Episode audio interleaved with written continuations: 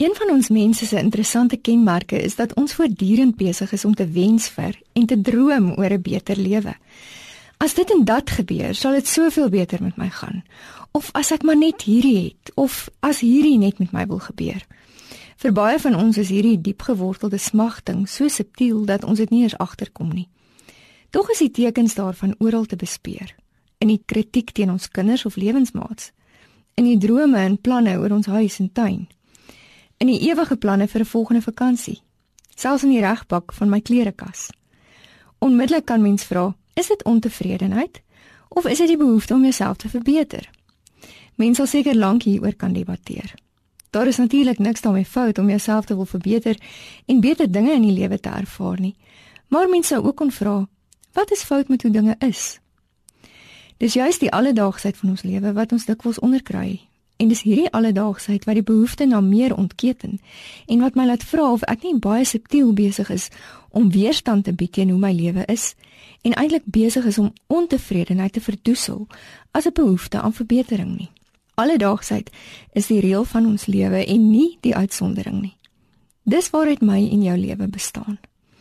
Elke oggend dieselfde patroon. Elke dag dieselfde ritme.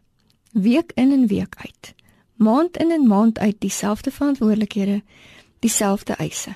In plaas daarvan om voortdurend daarna te smag om uit my alledaagse lewe te ontsnap, word ons dalk op ons pad met God geroep om juis die alledaagsheid van ons lewe te omarm. Bestaan daar 'n kans dat jy die reëlmaat van jou dae kan begin sien as 'n heilige ritme? Is dit dalk moontlik dat jy te midde van dit wat elke dag van jou vra, diep bewus kan wees van die stroom van God se Gees wat deur die detail van jou lewe vloei? Sou jy dalk kon begin om die alledaagse in jou lewe nie meer te sien as 'n straf nie, maar die bedding waarin God se saad in jou lewe konstant, ritmies en onuitwisbaar groei?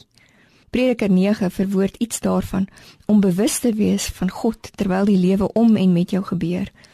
Vers 7 sê Eet dus jou brood met vreugde. Drink jou wyn met 'n bly gemoed. God het lankal reeds goedgekeur wat jy doen. Geniet die lewe saam met die vrou wat jy liefhet.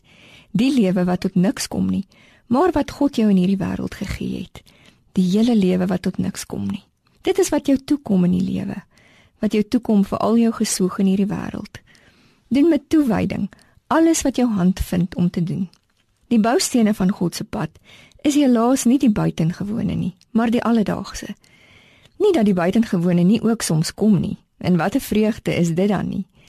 Die gevaar is net dat my smagting en verlange na die buitengewone en my ontevredenheid met hoe dinge is, my kan beroof van 'n kosbare geleentheid om bewuslik te leef en te groei in die heiligheid van alledaagsheid. So word die alledaagse mettertyd in God se hande buitengewoon.